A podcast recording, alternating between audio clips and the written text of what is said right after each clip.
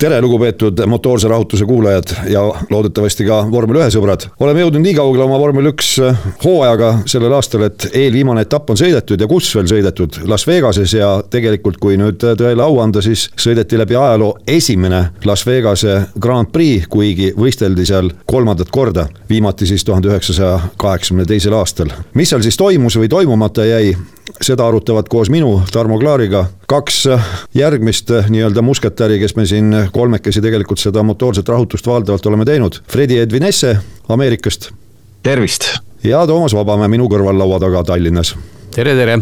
kusjuures panid tähele, Tarmo, ma ütlesin tervist, esimesel korral tuli välja. viimase peal, vaata minu, minuga on see asi, et hea harju- või tähendab, harjutamine teeb heaks harjutajaks, et äh, mõni, mõnikord joppab, mõnikord mitte. veidi taustainfoks jah, meil läks ko- kolm korda lõpuks läks aega, et see saade, et esimene tere ilusti välja tuleks Tarmol, aga kusjuures Tarmo on väga muidu professionaalne tavaliselt. ei tea, mis, kas Vegas või kuidagi, mis sulle mõjus on? No teadagi, mis see mõjus, see on teatud asjaoludel lihtsalt äh, juhtus eelmise saatega üks naljakas lugu, aga oli nalja, oli pisaraid seal Las Vegases ja mina nüüd, Fredi, tahan sind natukene pinnida nii-öelda, et kui siin tulid teated, et vahetult ennem Las Vegase etappi on justkui äh, hotellihinnad alla läinud, piletihinnad alla läinud, siis ma tean, et kuna sul äh, tuleval nädalal on tegemist sealkandis, siis sa mõtlesid selle peale, et läheks õige vaatama ja valgusta nüüd meie kuulajaid, kui madalad need hinnad siis olid, mis sa seal jõudsid välja uurida?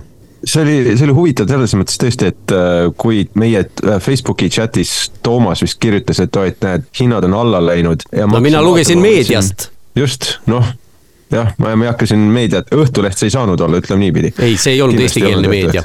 ja, ja ma mõtlesin, et oh, et äkki on tõesti võimalus, hakkasin vaatama, uurima kuus eraldi sektsiooni, mis ma ette võtsin ja ma leidsin, et kõige ühes, see oli, kas see oli teisipäev või kui me rääkisime äkki ja kõige odavamad olid mingi tuhat ükssada pärast kõiki neid äh, äh, tasusid ja kõiki muid asju ja üldiselt. oota, segan nüüd vahele, tuhat ükssada, tuhat ükssada oli mis, kas äh, hotellituba üheks ööks või pilet üheks päevaks? see oli pühapäevane Grand Prix, ainult pühapäev, sõit ise. nii et mitte midagi kuidagi minule ei tundunud see soodsana nagu ma aru sain, ma hakkasin meediat tarbides, jah, mul hakkas ka järjest rohkem tulema minu uudisvoogu seda, et, et hinnad on alla läinud ja on, on hotellihinnad all, piletite hinnad all, kõik muu, mis sinna juurde käib, restoranid on tühjad, mis olid ära broneeritud, ööklubid, mis iganes. ja, aga mitte kuidagi minule küll ei tundunud, et tuhat ükssada isegi kõige odavama koha eest kuskil raja peal, mingi, see oli vist ka selle peastripi peal või oli see selle eelviimase eelviimane nii-öelda sirge või, või kuidas iganes öelda, või viimane sirge enne seda viimast kurvi ja seal, seal minu arust oli jah, see tuhat ükssada pilet ja sellised mõttetud kohad ka, kust vaadata. ja mitte kuidagi ma ei saaks öelda, et see oleks olnud soodus, aga lugedes edasi, siis vist see oli nagu soodus selles mõttes, et varem olid need piletihinnad veel hullemad olnud. nii et selles mõttes jah, need hinnad olid alla tulnud, aga mõistlikkuse piires need küll kuidagi ei olnud. aga ilmselt see ongi, küsimus ei ole mitte selles, kas nad olid odavad või mitte, aga publik ongi niisugune siht sihtpublik oli selline, sihtrühm oli selline, kuhu meie lihtsalt ei kuulu. ilmselt see nii ma, oli. jah jah, aga ma vaatasin, kusjuures see viis mind veel sinna Ticketmasteri äh, kodulehele, kus siis inimesed saavad ka lahkelt ka kommentaare jätta ja hinnata nagu, nagu peaaegu iga asjaga tänapäeval on, siis seal olid need hinnangud ja kommentaarid jagunesid täpselt pooleks, ühed olid oh äge Vegas, täiega äge, aitäh piletite eest ja nii edasi. Ja teine pool oli täpselt niimoodi, et üks tärn ja vormel üks küsib liiga palju raha ja ma ei, kuna mitte kunagi ei lähe enam vormel üht sõitu vaatama ja nii edasi ja nii edasi, et see olid täpselt mõlemad need ekstreemsused mõlemalt poolt, nii et ilmselt see tõde seal kuskil vahepeal oli noh, Ameerika on suur maa, kolmsada miljonit inimest elab seal, et jätkub igasuguseks, igasugusteks arvamusteks ruumi ja igasuguse maksujõuga publikut on olemas. veel, veel palju on Itaalia jagu veel inimesi või, Suurbritannia jagu kolmsada kuuskümmend peaks vist. no vot midagi sellist, nii et, et siin inimesi on ja, ja nagu ma aru sain, ega väga paljud lendasid kohale ka lihtsalt, ma lugesin Washington Postis, kusjuures keda huvitab, Washington Postis oli väga huvitav artikkel selle kohta, mis, kuidas need rikkurid, need, kellel siis tõesti raha suure R-iga on ja neil tundus päris lõbus olevat, need on ka kõik Abu Dhabist ja kust iganes kohale lennutatud, nii et lennutatud, nii et seal kellel raha oli, oli see nädalavahetus väga lõbus ja ma, ma ei tea, kas nad üldse sõitugi nägid, aga noh, see ongi Vegas ju. kindlasti seal oli väga palju osa sellist publikut, kelle jaoks tegelikult ju tehti, kellelt see raha nii-öelda välja peksti, kes pidid kohal olema, sest muidu neid ei ole olemas jah, seda me nägime ju nüüd, kus me võistluspäeva õhtul selles mõttes, et meil on praegu pühapäeva õhtu, kui me salvestame seda saadet, seda me ju nägime täna varahommikul, et seal oli kõiksugu karvaseid ja sulelisi seal stardi-finiši sirgel, kes mina julgen väita, mootorispordist kui sellisest ei jaga ööd ega mütsi täiesti nõus sinuga ja jälle, jälle ma ei taha kuidagi norida mingi Paris Hiltoni kallal, kui ta on selline stereotüüp seal, aga F1 TV tegi ka seal Will Buxtoniga ja tegi seda gridwalk'i tagant ette ja see esiteks, mis mind hämmastas, et see oli nii paksult täis, tal oli tõesti raske läbi trügida seal kohati inimmassist. see oli väga üllatav, võib-olla mitte üllatav, aga tõesti selline harukordsem ja, ja ka Paris Hiltoniga seal rääkis ja ütles, oo ma armastan vormel ühte ja ma armastan Vegast. ma arvan, et see teine pool sellest lausest oli ilmselt tõsi. ja jah, tore näha, vähemalt vormel ühel on vaja seda, sest kui, kui ma mõtlesin ka sellele, et see Vegase show ja noh, me jõuame ilmselt nende sõitjate kommentaarideni ka ja kõik, mis nende arvamus sellest vähemalt enne pühapäevast sõitu oli. siis vormel ühel aastaid-aastaid oligi see häda, et see põhimõtteliselt oli regionaalvõistlus, see võib küll öelda maailmameistrivõistlused. aga Ameerikas ei olnud sõitu või isegi kui sõitu oli, ega kedagi see ei huvitanud siin. Äh, võtame juurde veel siis, ütleme niimoodi, keda huvitas Euroopat, huvitas osa Lõuna-Ameerikast, Argentiina mitte, ütleme Brasiilia. Äh, Mehhikot ka ei huvitanud ja nii edasi, ütleme Brasiiliat tõesti huvitas. Austraaliat, äh, Jaapanit, oligi kõik, Aafrikat ei huvita Venemaad ei huvitanud, Hiinat, Indiat, ülejäänud Lõuna-Ameerikat, Ameerikat ennast nii et, et see oli regionaalvõistlus ja nüüd, et, et see tuuakse Vegasesse, mis on tõesti selline maailmakeskne linn. ja kuhu inimesed kõik kokku tulevad ja, ja kõik see muu, see show ka, mis sinna juurde käib, mida F1-l on vaja õppida ka, et, et mitte olla selline regionaalvõistlus ja lihtsalt kuskil Belgias ja, ja ütleme niimoodi selle Belgia, Itaalia telje vahel võistelda, siis äh, seda on vaja. Ja, ja mul lõppude lõpuks on hea meel, et selline asi aset leidis, isegi olgu see neid Hiltoneid, Gordon Ramsay'sid, kes iganes äh, Hollywoodist veel seal võib olla, seda on vaja vormel ühel. Jah, kindlasti on vaja, ma olen absoluutselt nõus, aga mul tekkis mõte, et huvitav, kui kaua see, no praegu on uudsus igal juhul selle, selle vormel üks Ameerikas on laiali publikule uus asi tänu Netflixile ja kõikidele neile asjadele me teame.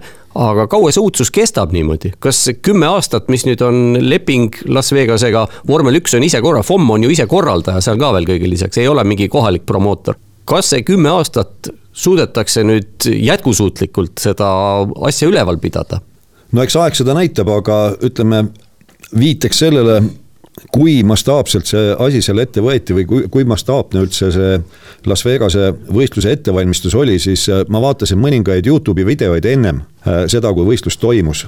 siin paar nädalat ennem ja veel mõni päev ennem ja no näiteks ehitati seal valmis vähemalt kaks ajutist neljarealist autosilda üle raja, mis võetakse lahti nüüd pärast võistlust ja pannakse jälle kokku järgmiseks aastaks võistluseks. rääkimata siis äh, igasugustest jalakäijate ülekäiguradadest, tribüünidest, mis sellesse kuulsasse purskkaevu, sinna purskkaevu basseini ehitati, mille peale väga paljud Las Vegase külastajad olid väga pahased, et äh, vaade on piiratud, mitte muhvigi ei näe, miks me siia üldse tulime. et see on ikka pöörane ettevalmistus ja väidetavalt siis äh, kogu see maa hankimine ja ettevalmistuskulud selleks etapiks kokku olid suurusjärgus kuskil kuussada miljonit dollarit jah, see on, see on tõsi ja, ja ma rõhutan siinkohal, et me oleme näinud selliseid asju varem. Baku on ju üks, üks parimaid näiteid, ehk siis jälle asfalteeritakse kogu see vanalinna osa, kus see, see kitsas, see läbikäik on. igal aastal. seal võetakse asfalt üles selle pärast seda ja, ja, ja nii edasi, aga Baku ei ole mitte kuskiltki otsast Las Vegas, see, see on lihtsalt täiesti erinevad stratosfäärid.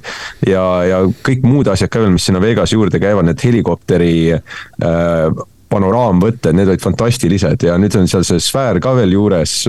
see on eri, eri, eriskummaline isegi öelda ja et vormel üks seal saab võistelda, see on privileeg, see ei ole enam see parklas sõitmine, mis oli nelikümmend aastat tagasi, nii et mulle igatepidi meeldis ja see oli äge näha ka, et ma olen käinud Vegases. kui sa lähed õigete kavatsustega, õige suhtumisega, siis Vegas võib olla väga äge linn ja et näha seal, kuidas need vormel üks autod sõidavad kõigi nende kasiinode hotellide nende alt läbi või möö, nende kõrvalt mööda, nagu kus ma olen ise varem kõndinud ja kõike seda, kusjuures nelikümmend viis minutit võttis mul see aega, see, see pea sirge kõndimine seal, neil, neil läks natuke kiiremini, mingi kakskümmend sekundit või midagi midagi sellist, et see tegi kadedaks seal. aga üldiselt see on mul on isiklikult väga hea meel, mida ma tahaks näha nüüd, enne piletihinnad normaliseeruks, et võib-olla seda veidi haipi võiks sealt tõesti nagu välja lasta, see ventiil võiks veidikene seda survet äh, vähendada seal ja saaksid normaalsed nagu päris vormel üks fännid ka minna seda vaatama aga nüüd, äh, kui hakkame vaikselt lähemale jõudma sellele võistlusnädalavahetusele, siis äh, kui ma alguses vaatasin seda rajaskeemi, siis jälle näide sellest, et vaatasin seda, püüdsin nii-öelda visualiseerida aga kuna mina ise kohapeal ei ole käinud ja, ja neid vahemaid oli seal muidugi niimoodi silma järgi raske hinnata ja üleüldse mingisugust rajaskeemi on raske hinnata, siis mina olin esialgu äraootaval seisukohal, sest ei jätnud väga seksikat muljet see rajaskeem esmapilgul paberi peal kuidas teile?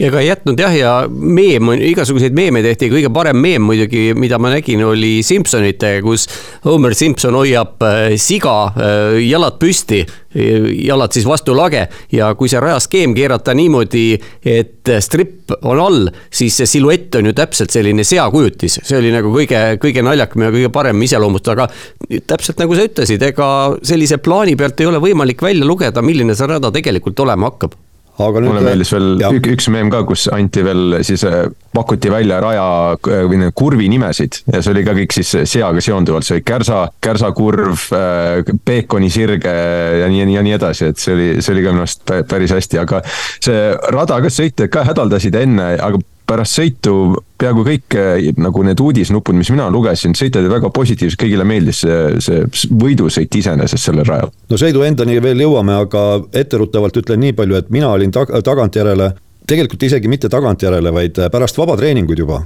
ausalt öeldes, mina olin väga lootusrikas ja minu meelest ma selle kvalifikatsiooni ülekande ajal ütlesin ka, et mul on mulje, et siin võib täitsa võidusõit tulla ja ütleme siis niimoodi, et oleks justkui FOM pidanudki nõu päris asjalike inimestega, et äh, need kurvide kaskaadid ja isegi DRS-i alade äh, paigutus olid tegelikult täiesti sobivad selleks, et me näeksime vaatemängu rajal.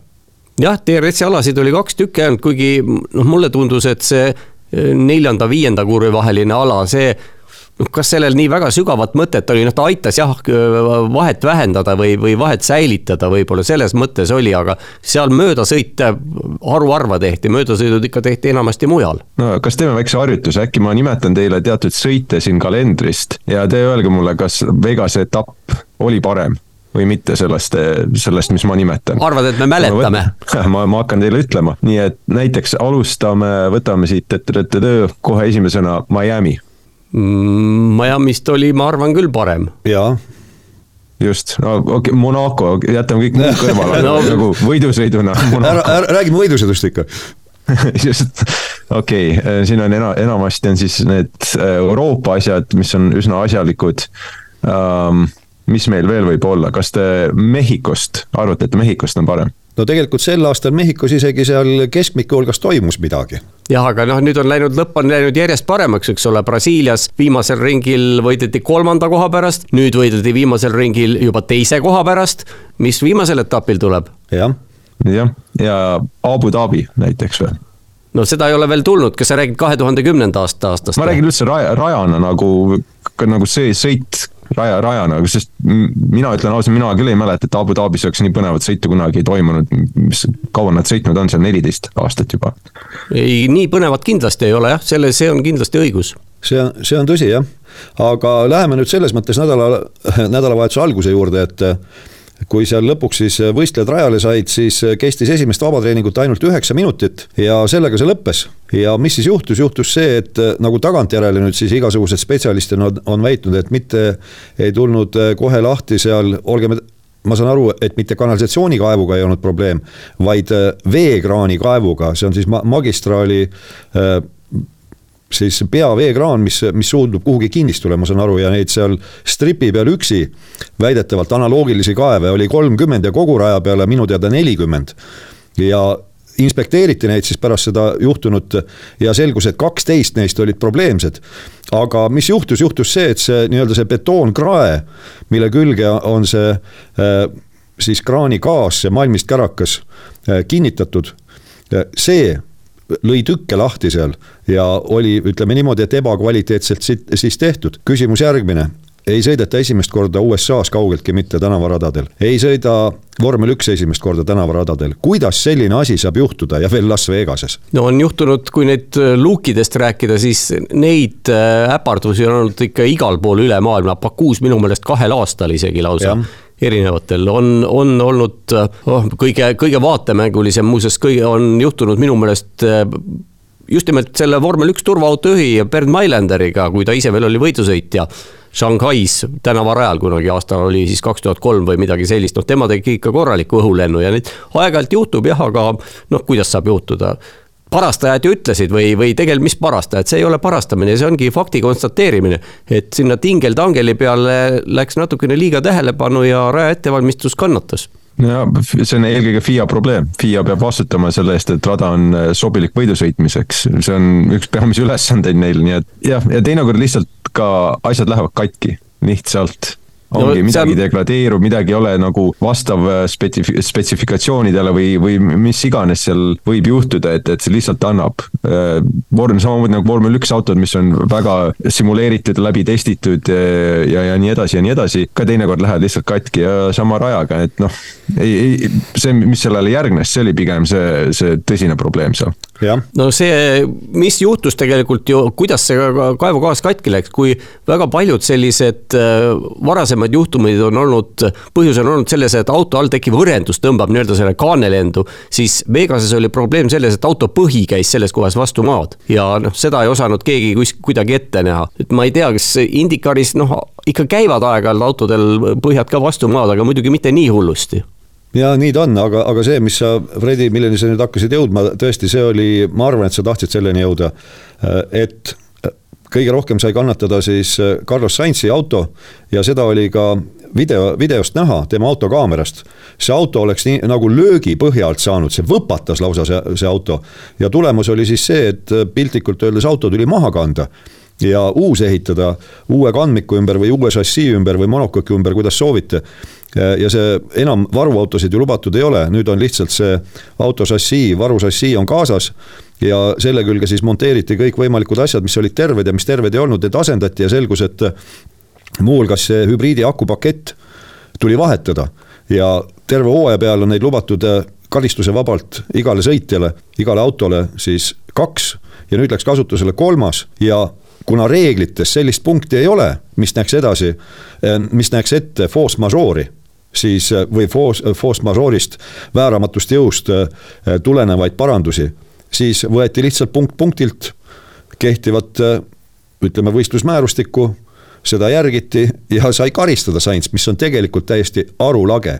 võistkond ei teinud midagi valesti, sõitja ei teinud midagi valesti lihtsalt rada purunes ja seeläbi noh, ikka piltlikult öeldes ikkagi rada purunes, seeläbi auto purunes ja nüüd kõik, kogu kahju pidi kandma võistkond. no vähe sellest, et kahju pidi kandma, ta sai veel ka karistada takkapihta see, see karistus on jah kõige idiootsem minu arust selle juures, et olgu siis teatud nagu kulud käivad selle asja juurde, aga tõesti, kui Sainz tõsteti kümme kohta tagasi või nädalavahetusel, kus Ferrari'l oli võimalus Mercedesest mööda tõusta ja Sainz ise võitles ka ju tegelikult kvalifikatsiooni võidu eest ja üldiselt äh, sõiduvõidu eest oleks võinud võidelda siis see, see tundus tõesti väga julm ja ülekohtune, et selles mõttes oleks võinud seal, aga jah, ei saa näidata mingit kainet mõistust, sest reeglitesse ei ole kainet mõistust sisse kirju-, kirjutatud.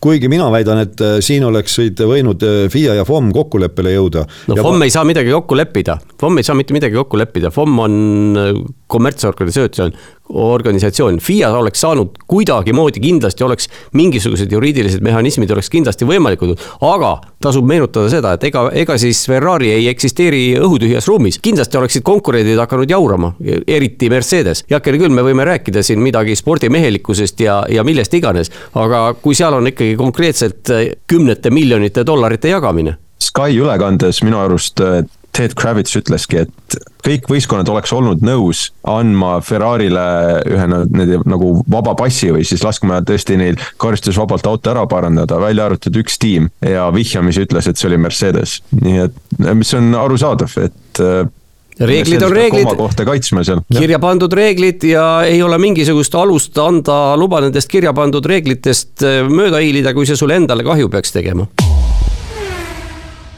ja niimoodi nad alati tavaliselt käituvad, ma olen täitsa kindel, et tegelikult oleks ka Ferrari täpselt samamoodi käitunud, sellepärast nagu me oleme teadnud ja äh, mis me oleme teadnud, no tegelikult oleme teadnud seda juba aastakümneid Toomasega ja oleme seda mitu korda ka maininud siin erinevates saadetes ja intervjuudes, et vormel üks on selline huvitav äh, keskkond et äh, võistkonnajuhid ei suuda koosoleku ajal isegi selles kokku leppida, kas koosolekuruumi aken võiks olla lahti või kinni. nii et rääkimata siis keerulisematest lugudest. aga mis oli veel huvitav, et ka Oconi auto sai kannatada ja ka seal tuli see autosassi välja vahetada ja selle peale Vasseur siis küsis, et aga reeglites on ju kirjas äh, ka teatud asjad äh, sellega seoses ja oleks pidanud justkui Ocon tema meelest ka karistada saama, aga selle peale loetigi täpselt reegleid ja öeldi, et jaa, üks sassi on lubatud ühel päeval, aga tema võttis kasutusele uue sassi järgmisel päeval ja siin tuli mängu siis võistluse toimumise fenomen.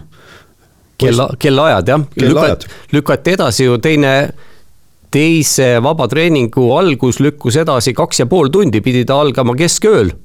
aga algas kohaliku aja järgi kaks kolmkümmend alles. ja seetõttu Alpine ja Ocon karistada ei saanud no nii palju sellest või tahate te veel midagi selle, sellel teemal konkreetselt öelda? ei no nüüd me just jõudsime selle huvitava osani, kaks kolmkümmend ja mis sealt edasi toimus? no sealt edasi, sealt edasi tegelikult isegi mitte kaks kolmkümmend, vaid kas see oli siis äh, üks kolmkümmend, kui äh, publik, äh, ma ei tea siis, kui vägivaldselt või vägivallatult suunati tribüünidelt ära. selle põhjendusega, et turvameeste ja bussijuhtide tööaeg on otsas ja neid ei ole võimalik turvaliselt koju transportida ja tagada nende turvalisust tribüünidel vot siin ma tahakski nüüd rändida päris korralikult, aga katsun hoida seda nagu mõistuse piires, aga, aga tõesti, no mida kuradit, mis, mis toimub vormel üks.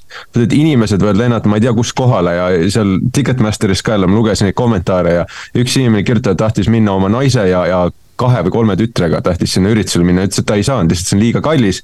et ostis ainult enda naisele ja endale piletid eh, nendeks kolmeks päevaks. Ja, ja siis tütred hiljem kirjutasid, et tütred said eh, osta eraldi päevapiletid sellele. Ja, ja inimesed, kes ostsid ainult sinna neljapäeva õhtuks, sinna vabatreeninguteks, nad nägid vähem, veidi üle viie minuti nägid autosid rajal, kui, kui, kui sedagi. Ja tühistati see, see või lõpetati see vabatreening ära, siis ooda, oodatakse, see oli lõpuks viis pool tundi oli neil kahel vahet ja enne seda pekstakse sind veel minema. kusjuures pro... sa ei saa isegi vormel ühte vaadata nüüd. probleem oli ju veel selles, et eh, lükati edasi, aga kui palju edasi lükatakse, selle kohta ju väga kaua, väga pikka aega mitte mingisugust infot ei olnud et, et see veel lisaks veel see teadmatus, kellaaeg pidi südaööl algama, mis on ka üsna, okei okay,, Vegase kohta jah, ütleme jällegi, ütleme, sa pead õigete kavatsustega seal linnas olema, õige suhtumisega, siis, siis on lõbusam jah, kui sa niimoodi teed, aga jälle taaskord, see on täiesti absurdne aeg äh, sellise võistluse pidamiseks. siis lükatakse seda kaks pool tundi veel edasi fänne ei ole ja hiljem mingit vabandust, mitte midagi ei tule, FIA, mitte FIA, vabandust, see oli siis see promootor ja, ja kes see teine oli seal, ma ei mäleta enam, kes äh, Las Vegase põhimõtteliselt Grand Prix ja, ja, ja keegi veel äh, avalik äh,, vabandust, see oligi FOM. FOM, no, FOM ise ongi korraldaja. jah äh,, aga noh, see FOM korraldab seda siis ühe tütarettevõtte alt, kelleks ongi Las Vegas Grand Prix bla,, blablabla, mis iganes. ja avalikustas siis põhimõtteliselt mingi pressiteate, kus, kus põhjendasid, miks nad inimesed minema peksid tribüünidelt. ja isegi mitte kordagi ei olnud vabandust, mitte kordagi, mitte mingit isegi mingit vihjet sellele, et neil oleks kahju olnud sellest, et inimesed, kes on sinna tulnud ja neile ei pakutud mingit show'd ja need, kes vähesed, kes jäid isegi ootama seda äh, vaba treeningut, kes olid maksnud tõesti, nagu me rääkisime saate alguses esimese asjana, absurdseid hindasid, et seal olla siis nad ei näe mitte midagi ja selle, selle peale ei tule isegi mitte vabandust. aga ja, ikkagi kompensatsioon tuli pakuvad ja siis pakuvad äh, lahenduseks, nende lahendus oli siis see, et pakkuda kahesaja dollari väärtuses nänni F1 ametlikust nännipoest. ja ainult neile, ainult neile, kellel oli ainult neljapäevane pilet. kui sul oli reedene ja äh, laupäevane pilet või mis iganes kombinatsioon, siis sa ei saanud seda. see on, noh, see on täiesti absurdne ja muidugi siis, kuule, kus sa oled, sa oled Ameerikas. kui, kui kuskilgi mind võidakse kohtusse kaevata, siis see on Ameerikas ja mis oli laupäeval või eile jah, laupäev, kui me praegu pühapäeval lindistame siin, laupäeva hommikul ma loen juba uudist, et, et äh, selle Las Vegas Grand Prix vastu on esitatud hagi äh, Las Vegase kohtus, nii et noh absurdne, kuidas vormel üks võib fännidega käituda. see juba, see oli paras näkku sülitamine, see, kui kallis kõik oli ja, ja kuidas üritati seda viimast kasumimarginaali välja pigistada ja siis veel selline asi ka, et see on minu jaoks selline asi ajab küll hinge täis. no mina ei saa kuidagi varjata seda, et kui ma, kui ma seda tantsujad ralli seal jälgisin, noh, mis ei olnud mingi tantsijad rall, vaid seda venimist muudkui jälgisin siis äh, kaks tuhat viis ja Indianapolis tuli meelde, no ei ole, ei ole võimalik olla niimoodi, et see meelde ei tuleks ja otse, otse loomulikult seda ka meenutati ja, ja minu jaoks oli isegi na, tegelikult naeruväärne pressikonverentsil, mismoodi Toto Wulf reageeris sellele ajakirjaniku kriitilisele märkusele ja ta vist tõi ka paralleeli seal kahe tuhande viienda aastaga, vist tõi.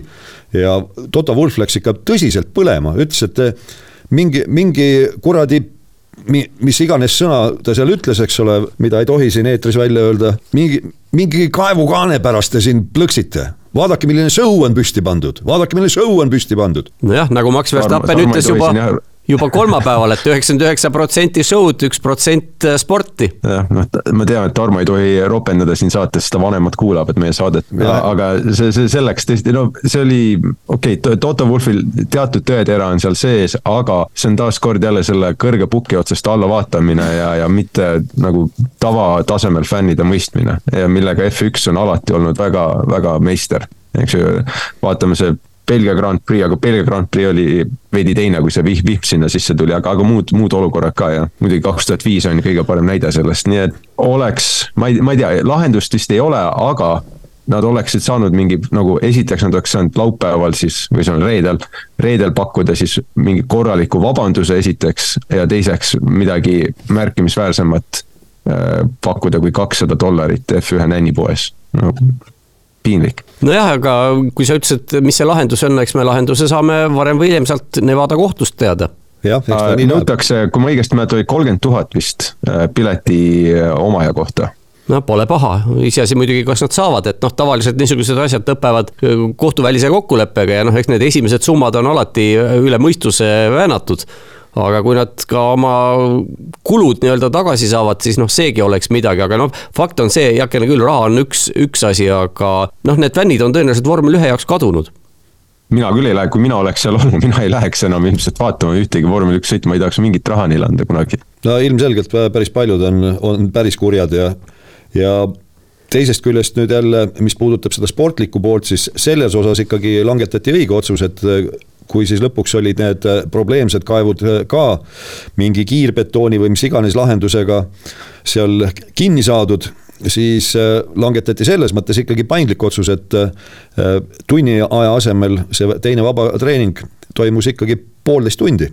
nii et seal harjutada sõitjad said harjutada said kõvasti. neljani hommikul, kella neljani hommikul, no no Las Vegases, nagu sa oled juba mitu korda öeldud, et kui sul on õige suhtumine, siis ei ole häda midagi, muuseas sõitjad ja tiimid elasid Las Vegases Jaapani ajagraafiku järgi.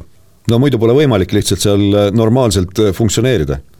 no just, aga noh, tegid oma sõidud ära, nelikümmend kaks ringi minu meelest oli kõige rohkem, mõned sõitjad jõudsid teha. jah, ja, ja see on loomulikult enneolematu, aga teisest küljest veel kord. ei ole enneolematu, poolteist tundi, kas oli tänavu Kanada Grand Prix'l, kus tehti ka tunni, jah, tunniajalise treeningu asemel tehti poolteist ja, ja mitte ei pandud seda poolt tundi lõppu, vaid äh, pandi etteotsa. seda küll, aga ma tahtsin rohkem seda öelda, et enneolematu, et sellisel kellaajal kohaliku aja järgi midagi taolist toimub. no Las Vegas no. peabki olema enneolematu. jah, aga. panite tähele, kuidas Kanadas ei pekstud inimesi tribüünidelt minema muide? Lame Canada Te,. teise, teiseks vaba, vabatreeninguks ja okei okay,, jah, las, las olla. ei, kõik õige, aga eh, mis ma veel tahtsin, Fredi, sinu, sinu käest, kui nüüd amerikaniseerunud eestlase käest küsida, et eh, ikkagi see kellaaeg, kui mõelda selle peale, kui suur on Ameerika servast serva, siis ega mujal ju Ameerikas see väga mugav kellaaeg vaatamiseks ei olnud see polnud kuskil mugav.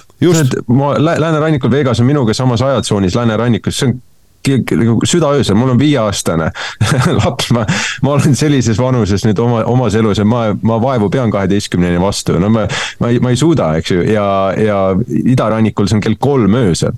Sõit oli kell kümme, noh, selle ma sain ära vaadata, et see ei olnud midagi nii tapvat, aga läänerannikul oli kell üks oli sõit, et see ei, ei, ei klappinud kuidagi. siis sõidu alguses, eks ole ma saan aru, et okei okay,, et vormel üks on Euroopast ja et, et seal peaks olema see peamine teleaudients, aga Ameerika on ka, nagu me rääkisime, suur riik ja, ja kui sa võtad Ameerika, Euroopa, siis see on põhimõtteliselt nagu üks sama, ütleme, rahvaarvu poolest, no Euroopa on suurem küll. aga see selleks, sul on siin, kui Euroopa sõite peetakse Euroopa ajatsoonis, siis Ameerika sõite võiks pidada nagu ka USA ajatsoonis ja toogu kella kuue peale, kui nad tahavad pimedas sõita, praegusel kellaajal kell kuus on juba kott pime. oleks võinud samamoodi sõita, et on optimeerida asju küll. no aga see on jälle mõeldud, kellele see üritus mõeldud oli? üritus oli mõeldud teile, keda meile näidati seal enne starti peasirgel. Need, kes äh, hirmsat raha maksid ja kes ennast näidata tahtsid. ilmselt nad said ennast näidatud küll, jah ja,. said, said said nii, kas me nüüd jõuame siis selle sportliku poole juurde ka või oota, üks protsent pidi seda olema ainult? no jõuame selle ühe protsendi juurde. või, või, või, on meil mingisugused teised äh, protsendid? no vaatame, äkki äkki selle vestluse või vaidluse juures kujunevad need protsendid kuidagi teistmoodi kui siis ükskord see vabatreening käima läks, see teine vabatreening, siis paistis niimoodi, et kuidagi selle rajaga on väga hästi kohanenud just nimelt Ferrari'd jäi mulle mulje. Ja muidugi üldse see kaardipakk oli üsna segamini, sellepärast et ka ausalt öelda Williamsi kiirus tundus üsna reaalne olevat, vähemalt ühe ringi peale ja seal äh, oli, kas see oli pärast kolmandat vaba, vabatreeningut äh, Äh, oli selline huvitav võrdlus Verstappen versus Albon. ja Albon oli siis kõigil sirgetel lõikudel kiirem ja Verstappen oli kiirem seal, kus äh, tuli natuke rooli keerata. Ja see tegelikult ju transformeerus ka kvalifikatsiooni täiesti edukalt sest mõlemad, mõlemad Williamsid lõpuks pääsesid kvalifikatsioonis esikümnesse, mõlemad, rõhutan, mõlemad. Logan Sargent, kes viiel eelmisel järjestikusel etapil oli kvalifikatsioonis olnud kahekümnes. just ja viimati Williamsid olid, kaks Williamsit olid top kuues aastal kaks tuhat kuusteist Sotšis. Ei olnudki nii ammu tagasi. seitse aastat, seitse aastat. Ja no kui me vaatame üldse seda kvalifikatsiooni esikümmet, siis äh, kvalifikatsiooni võitis Leclerc teise aja, sõitis äh, siis äh, Sainz, nende vahe oli imeväike seal, null koma null nelikümmend neli sekundit ainult. Verstappen oli kolmas, neljas Russell, edasi Gasly Alpiiniga, siis mõlemad Williamsid üksteise selja taga, Albon ees, Sargent tema järel. kaheksas Botas, üheksas Magnussen, kümnes Alonso ja alles üheteistkümnes siis Hamilton, kaheteistkümnes Perez. ja nüüd ongi küsimus selles, et kas siis Hamilton ja Perez olid täiesti liimist lahti või oli seal mingi muu põhjus, ilmnes, et ikkagi ei olnud poisid päris liimist lahti ja eriti hämmastav minu jaoks oli tegelikult see äh, kvalifikatsiooni ajal, noh, mida me siis Toomasega koos ka kommenteerisime, et äh, teises kvalifikatsioonivoorus Perest viimase, viima, viie minuti jooksul võistkond ei saatnudki rajale, nad olid nii enesekindlad, et sellest ajast piisab. kusjuures oli näha, et rada läks aina kiiremaks iga minutiga no see oli jah, Red Bulli poolt selline hämmastav taktikaline möödapanek, aga, ja, ja seda imelikum, et tegelikult kui nad, noh, nad ei, tõenäoliselt nad ei teadnud või kuigi võib-olla võisid aimata. McLareniga oli ju sama asi juhtunud juba esimesel kolmandikul. McLareni sõitjad saadeti välja kasutatud rehvidel ja neid ei kutsutud rattaid vahetama ja nii nad sõitsidki. lõpuks Norris tegi oma parima ringi vist või parima aja vist viiendal ringil ja Piastri kuuendal või midagi sellist. ja tiim oli täiesti kindel, et oh, need ajad on piisavalt head, et pääseme edasi, aga jäi kahe silmale vahele. noh, seda loomulikult ei osanud keegi ennustada, aga, aga oleks tulnud olla tähelepanelik, et rada viimastel minutitel läks oluliselt kiiremaks, kui ta enne oli ja nii juhtuski, et kui see aeg sai läbi, kaheksateist minutit esimese kvalifikatsioonivooru aega sai läbi, siis mõlemad McLarenid olid joone all nii ta läks, mis mulle veel silma jäi, oli, oli sellest esimesest Q1-st oli Ocon, kes äh, kuidagi, kui midagi juhtub, siis tema on ka tavaliselt platsis. midagi sellist ja no seekord juhtus Verstappeniga ja, ja kui siin ma ei nimeta, kes meist on, on nimetanud, et, et Verstappen on ka rohkem täiskasvanumaks saanud, rohkem rahunenud, siis see, kuidas ta lihtsalt äh, ma ei tea, mitte kiusu pärast, aga, aga, aga tahtis lihtsalt ära panna. ära ole nii tagasihoidlik, mina väidan, et see oli kiusu pärast, see oli vana võla tasumine, oli kiusu pärast, et siin ma tean küll, sa väga peenelt vihjad minule, kes ma olen rääkinud. absoluutselt, ma räägin Tarmost muidugi. Verstappeni täiskasvanumaks muutumisest, aga aegalt aga... ikka see poisike lööb välja ei no aga see lõi välja ja, ja sa mõtled, et miks poisil on või ütleme siis poisil, ütleme Verstappenil mehel on ju kõik, kõik olemas. ta võitleb esikoha eest siin, tal on oluliselt kiirem auto, Ocon ei ole talle mingi, see on, see on nagu tüütu kärbes on Ocon põhimõtteliselt tema jaoks ja, ja miks sa siis lähed sinna sukelduma ja surute välja ja riskid reaalse karistusega ja võid niimoodi võib-olla võidu ära visata, et see on, see on see koht, kui räägitakse Verstappen on, on nagu tervikpakett, siis see on see just see koht, kus ta no päriselt ei ole, sest ta kipub isegi praegu veel liiga kergelt üle keema. see pakett või pakend lekib selle koha pealt. nojah, kui sa ütlesid, et on, Ocon on Verstappeni nagu tüütu kärbes, siis Verstappen mõtles sedasama, võttis kärbselapi ja virutas no jaa, aga ühel hetkel võid sellega endale näkku virutada, kui sa niimoodi kangesti vehid no see oli mõttetu tegevus muidugi ja, ja Verstappenil tegelikult oli õnne, et, et sealt ei hakatud uurima seda ja karistama. mingisuguse, mingisuguse punkti tõenäoliselt oleks võinud leida. Äh, äkki ta lihtsalt harjutas püha, selleks, ma tahan öelda pühapäevaseks, laupäeva õhtuseks võidusõiduks siis. no mine tea jah, võib-olla oli lihtsalt just see tervikpakett, et on ettenägelikum kui meie keegi jah, sest Leclerc'i vastu see liigutus oli üsna sarnane, aga noh, me jõuame sinna. me sinna jõuame jah, aga mis veel kvalifikatsioonis või üldse sel nädalavahetusel oli sellist huvitavat, et äh, teame ju seda, et hooaega läbivad siin erinevad võistkonnad on hädas olnud oma uuenduste äh, tõlgendamise või mõistmisega või nendele, nendele uuendustele seadistuse leidmine auto, autodele ja, ja siis üks see hädapätakas on olnud Haas ja nüüd siis väidetavalt ennem Las Vegase võistlust äh, sõitjad ise otsustasid, millise autovariandiga nad sõita tahavad ja Hülkenberg otsustas siis, et tema valib Austini etapi eelse autovariandi ja Magnussen otsustas siis selle kõige uuema versiooni kasuks. Ja kui niimoodi tuimalt jälle numbritele otsa vaadata, siis kvalifikatsioonis Magnussen oli üheksas, aga Nik-, Nico Hülkenberg oli kolmeteistkümnes. et äh, kas siis võib öelda nüüd, et see võrdlus tõi üheselt välja, et äh, Haasi see uuendatud variant äh, on ikkagi parem mina ütleks niimoodi, et kui palju punkte Magnussen selle üheksanda koha eest teenis ja kui palju Hülkenberg kolmeteistkümnenda eest? ümmargune null. no vot, vahet pole järelikult, sest sõidus toimus ikka seesama, mis haasidega alati on toimunud. seda küll paraku. nii et ei ole vahet ju ja üldiselt nädalavahetust läbivalt oli tegelikult Hülkenberg kiirem. Natukene, aga ta oli kiirem, nad, nad ei olnud üksteisest väga eemal, aga tõesti see Q2 siis Hülkenbergil ebaõnnestus, ma ei tea täpselt, miks aga kui ma vaatasin seda, ma vaatasin kõiki neid äh, sessioone, okei okay,, ma ei vaadanud seda e-, esimest sessiooni pärast viite minutit enam.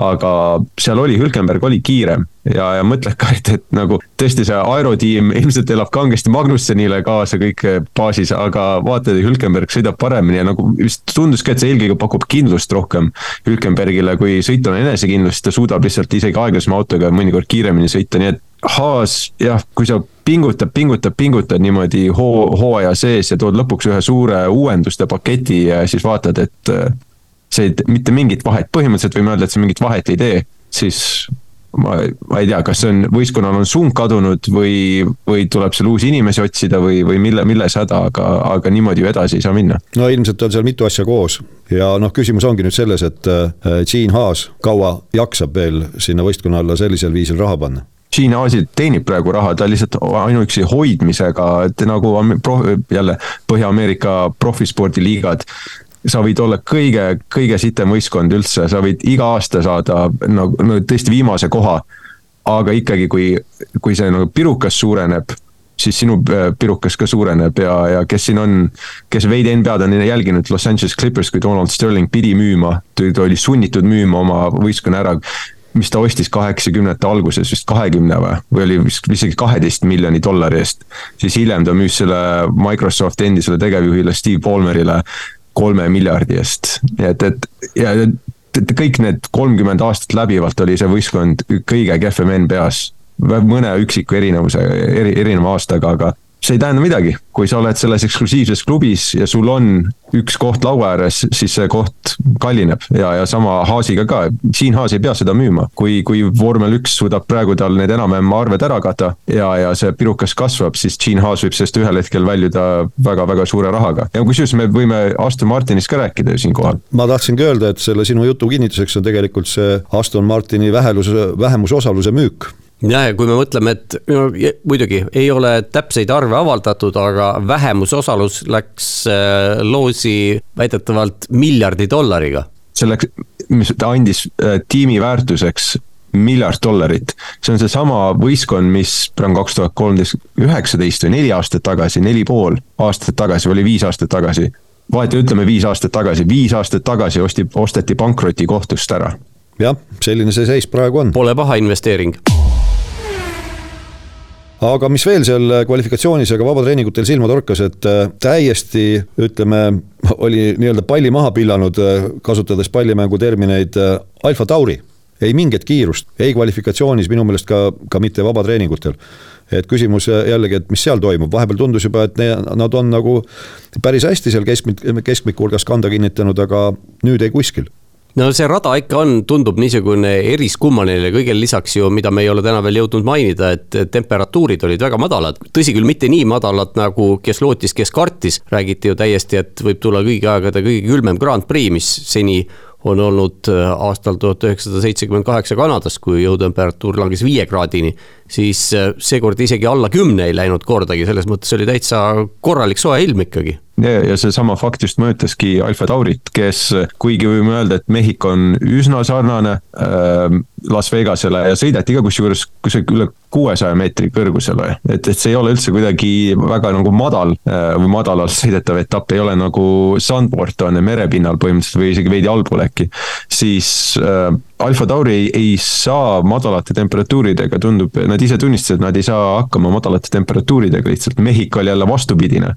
ja Katar oli vastupidine, nii et neil on selliseid probleeme, kus, kus ütleme võib-olla vastupidiselt siis Haasile, et nad ei saa seda temperatuuri rehvidesse ja neil on probleeme sellega nii et nädalavahetusel seal Las Vegases nii asfaldi kui õhutemperatuur sel ajal, kui autod, võistlusautod rajal kiiresti pidid sõitma, oli kuskil vahemikus pluss kaheksateist, pluss kolmteist, midagi sellist. jah, Grand Prix ajal oli põhimõtteliselt seitseteist, kaheksateist kraadi kvalifikatsioon siis oli vist viieteist kraadi vahel ja esimesel päeval oli veel natukene vähem, aga, aga üldiselt suhteliselt normaalsed temperatuurid ikkagi, arvestades, et tegemist on kõrbega, et tegemist on novembrikuuga ja oli põhimõtteliselt ju öö aga nüüd siis jõuame võistluspäevani ja ja võistlusööni või kuidas keegi soovib. ma küsin Nii. teilt, kas te mäletate, millal oli viimati äh, samal päeval toimunud Grand Prix ja kvalifikatsioon? see oli üks Jaapani etapp minu meelest. Oli vist kaks tuhat mingi üheksa või midagi vist oli, kui laupäeval sadas ja. meeletult, aga enne seda ka ütleme viimase kolmekümne aasta jooksul, jooksul võib-olla teist korda äkki või? no võib-olla on kuskil juhtunud, aga paugust niimoodi ei meenu, sest no varem olid üldse, olid ju päevade kaupa, see ajakava oli teistmoodi jaotatud jah, ja kui neist päevadest rääkida, millal on toimunud ja, ja kas, kas see on mingi eriskummaline asi, et võistlus toimub laupäeval, siis ei, see ei ole eriskummaline asi, läbi ajaloo on isegi praktiliselt kõigil nädalapäevadel olnud vormel üks etapp. võib öelda, et Las Vegases ongi vormel üks Grand Prix toimunud alati laupäeval. nii et nii, nii palju ka siis teadmiseks, kes viitsib, võib ise surfata, et suurusjärk, kas see oli nüüd läbi ajaloo seitsmekümne kuues kord või.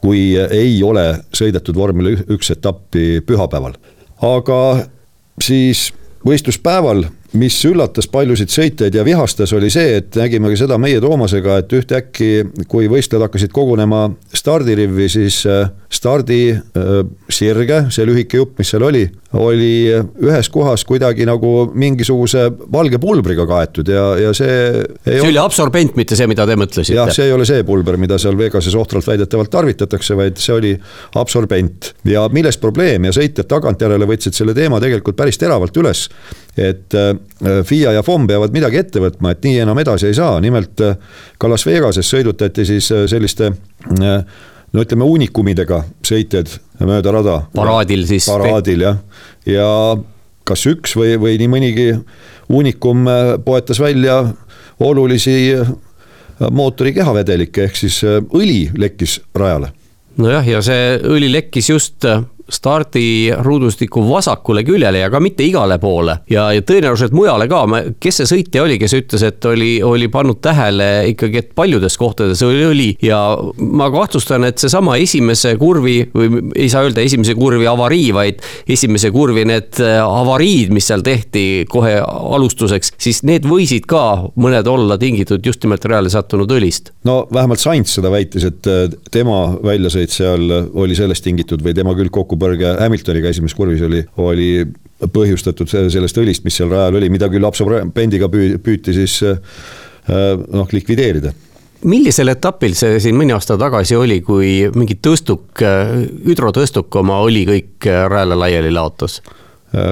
äkki oli Sotšis või? just, mulle ka nagu. Sotšis pandi diiselkütust, diiselkütust laotati tee, seal tee peale no vot, vot midagi, midagi sellist jah, noh. no igatahes selline see lugu oli ja, ja teadmiseks jälle neile, kes väga tähelepanelikult seda nädalavahetust ei jälginud, et äh, vormel üks oligi ainus võistlusklass, mis seal üldse sõitis, et mitte ükski teine võistlusklass äh, ei osalenud sellel nädalavahetusel, nii et äh, rada oli nii-öelda üsna roheline ja mis veel eripära, tegelikult välja arvatud siis see osa, mille Liberty Media oli omale ostnud, kus oli see stardi-finiši sirge jupp ja, ja poksirajatised, ülejäänud teed ja tänavad olid ju võistluse väliselt avalikus kasutuses.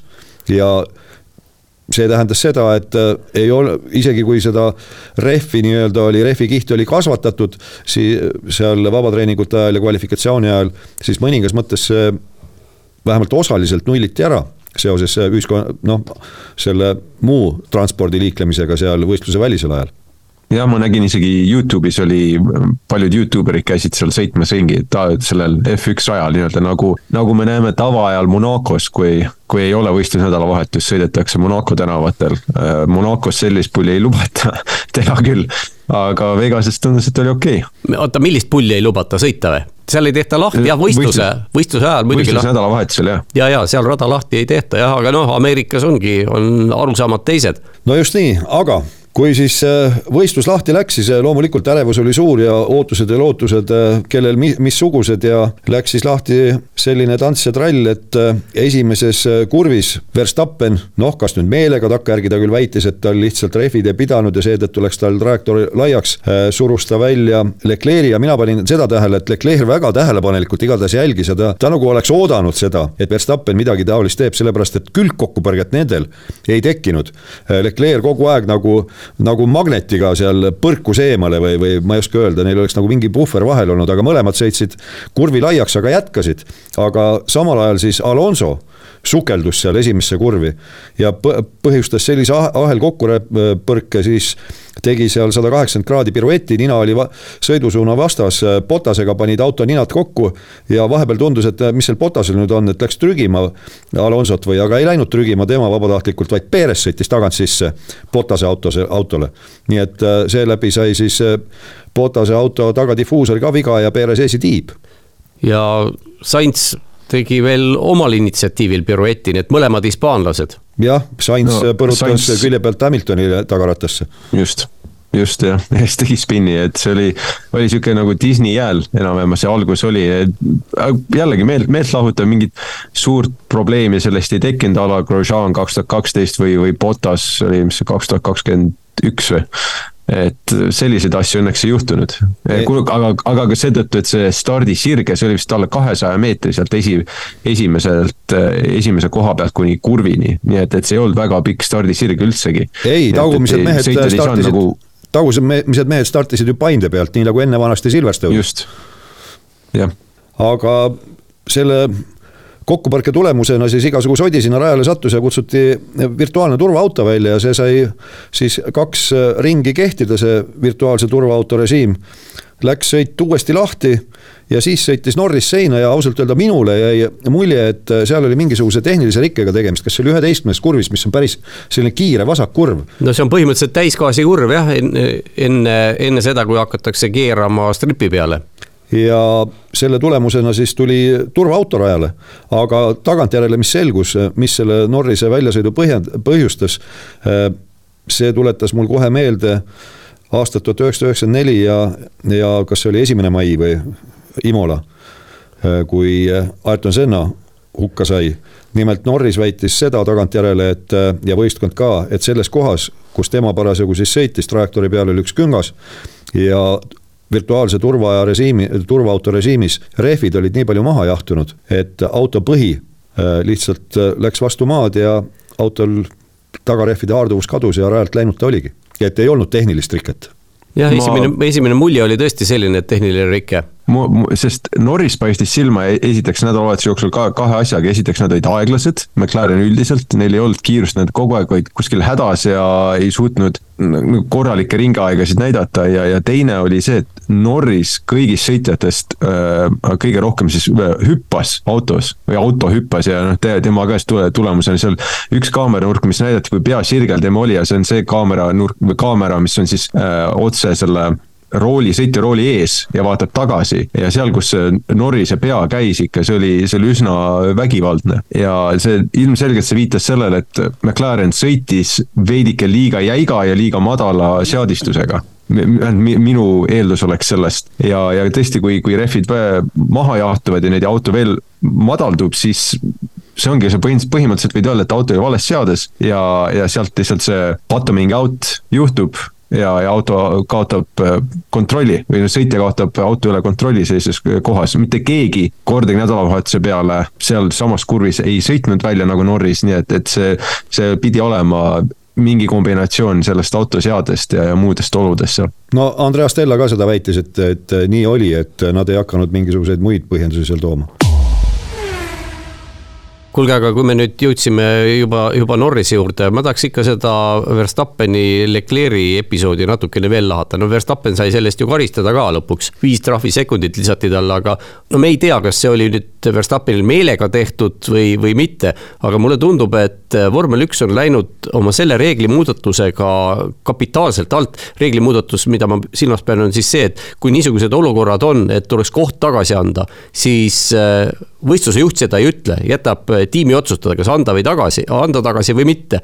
Ja noh, kui selgub, et ei anta kohta tagasi ja määratakse karistus, siis praktiliselt kindlalt on teada, et see karistus on viis sekundit ja tiimid on hakanud seda kuritarvitama. noh, George Russelli mitu episoodi tänavu tulevad meelde. Verstappeni puhul praegu no ei ole sada protsenti kindel, aga võis olla ka selline arvestus, et tühja ka, saame selle viis sekundit, peaasi, et oleme ees, saame vabas vees sõita, kütame eest minema, teeme vahe sisse. no tõsi küll, Verstappen ei suutnud seda vahet teha, aga see oli siis niisugune viga stsenaariumis, aga põhimõtteliselt see arvestus võis olla selline. ehk tegelikult tuleks minna selle vana süsteemi juurde tagasi. ei ole mingisugune argument see, et kui ma pean koha tagasi andma, et ma vahepeal olen kellestki mööda sõitnud, see ei ole argument. kui sa oled eh, illegaalselt saanud võimaluse kellestki veel mööda sõita, siis seda võimalust ei oleks sul tekkinud, kui sa oleksid reegleid järginud, ehk see tegelikult ei ole argument ja mina olen sinuga täitsa nõus, et eh, antud eh, situatsioonis noh, tuleb meelde just, kas see oli ka Austinis Russell seal, lihtsalt tuimalt ei andnudki kohta tagasi ja läkski selle peale, et mis seal ikka, sõidame siis eest ära ja.... Monsas oli täpselt sama lugu.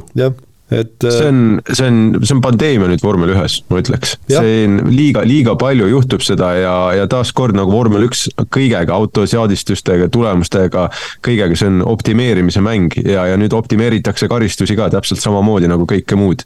ja see ei ole okei okay,, see, see ei ole äh, ei ole õige sportlaslik käitumine, nagu sa spordis eeldad, et käitutakse äh, õiglaselt ja spordimehelikult, see on sihuke termin on isegi olemas, spordimehelikult käitumine. kuule, need mehed ei tea, nad ei tea sellisest terminist mitte midagi, neil puudub see nende sõnastikus. ja, ja see ongi see häda ja, ja kui sa ei tea, siis sa pead neid õpetama ja praegu FIA tundub, et ka vist ei tea. ja see oli puhas juhus lihtsalt, et äh, Verstappen ei pühkinud eest ära, et, et õigemini, et äh, Leclerc suutis järel püsida piisavalt, aga isegi isegi selle järel püsimisega ju sa kurnad autot, sul rehvid saavad rohkem matti, äh, võib-olla temperatuurid tõusevad, pidurid saavad äh, rohkem kuumust ja nii edasi, nii et, et see ei ole, isegi kui sa seal lähedal püsid, see ei tule ju täiesti tasuta, et, et samal ajal Verstappen sõidab ju puhtas õhus. just nimelt, see efekt on kahekordne, et äh, kui sinust mööda sõidetakse, siis sina kannatad, aga, aga see, kes mööda sõidab, tema pääseb puhtalt, nii et see on võimendub veel. aga lähme edasi, kolm ringi või noh, kolmandast kuni kuuenda ringini oli siis turvaauto rajal, siis läks võidusõiduks lahti ja nagu ikka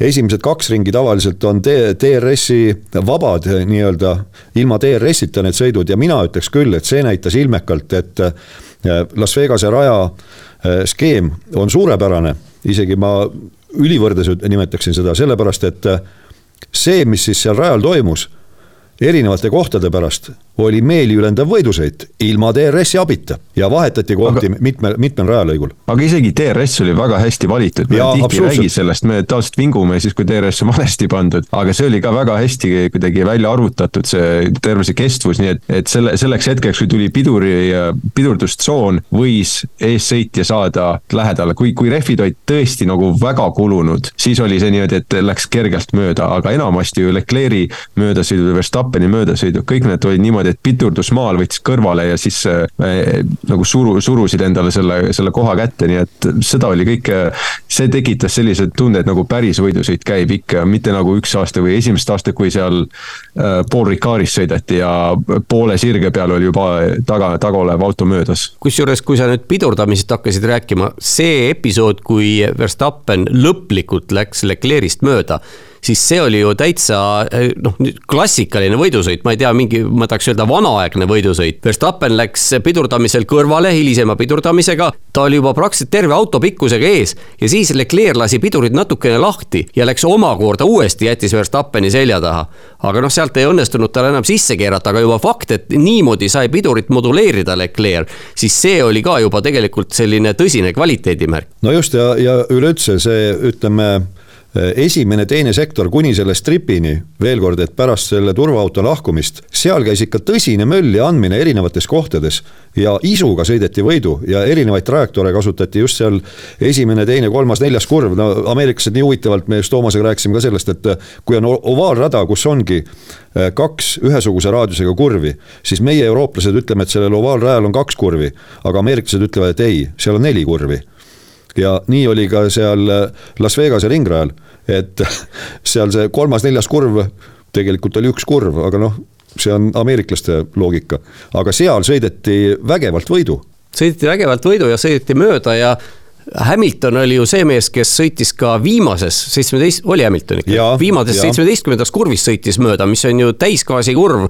ja noh, ega see, kui seal ikka tulla, tullakse mingi kolmsada pluss kilomeetrit tunnis, ega see rada siis seal nii väga lai enam ei ole ja mahtusid ilusti ära sinna. jah, see oli see viimane seitsmeteistkümnes kurv ja Gasly vastu just. aga, aga muidugi, kui Fredi siin äh, mainis, et vormel üks on optimeerimise ülesanne, siis ma ei ole kindel, kas tuleval aastal, kui see rada on juba tuntav sõitjatele ja tiimidele, kas seal siis sellist tulevärki on, sest praegu see paljugi kõik need asjad, millest me räägime, ma kahtlustan, on tingitud sellest, et tingimused olid tundmatud.